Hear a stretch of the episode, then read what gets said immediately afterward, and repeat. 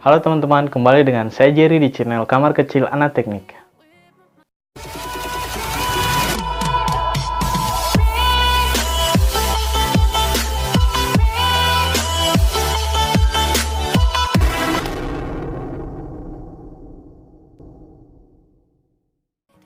Di video kali ini saya akan membahas mengenai kantong plastik versus kantong kertas dan juga kantong kain.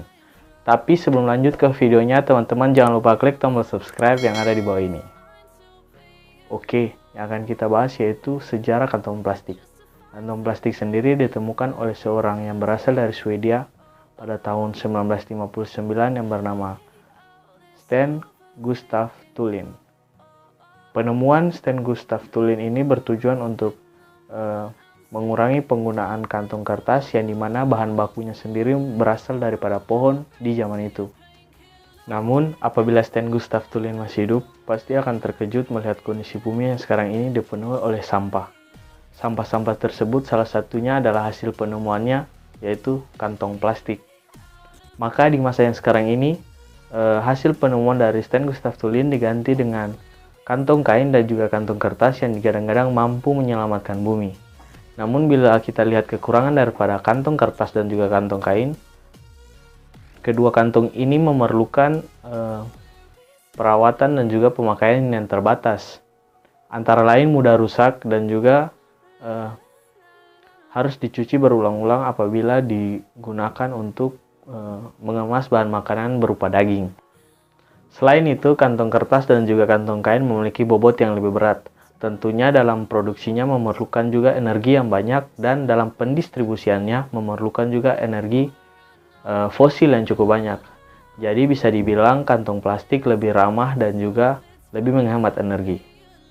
Nah, dampaknya bagi lingkungan yaitu penggunaan satu kantong plastik sama dengan tiga kantong kertas.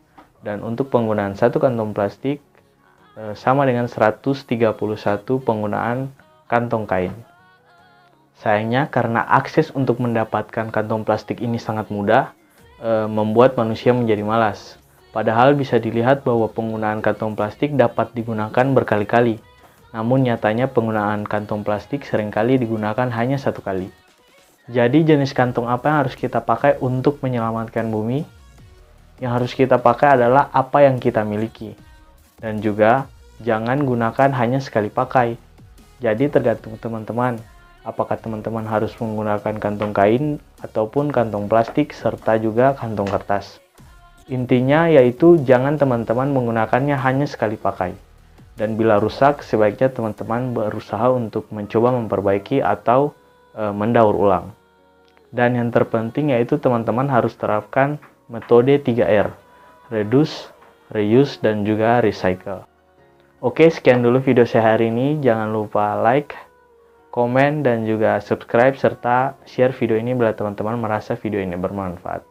Amato!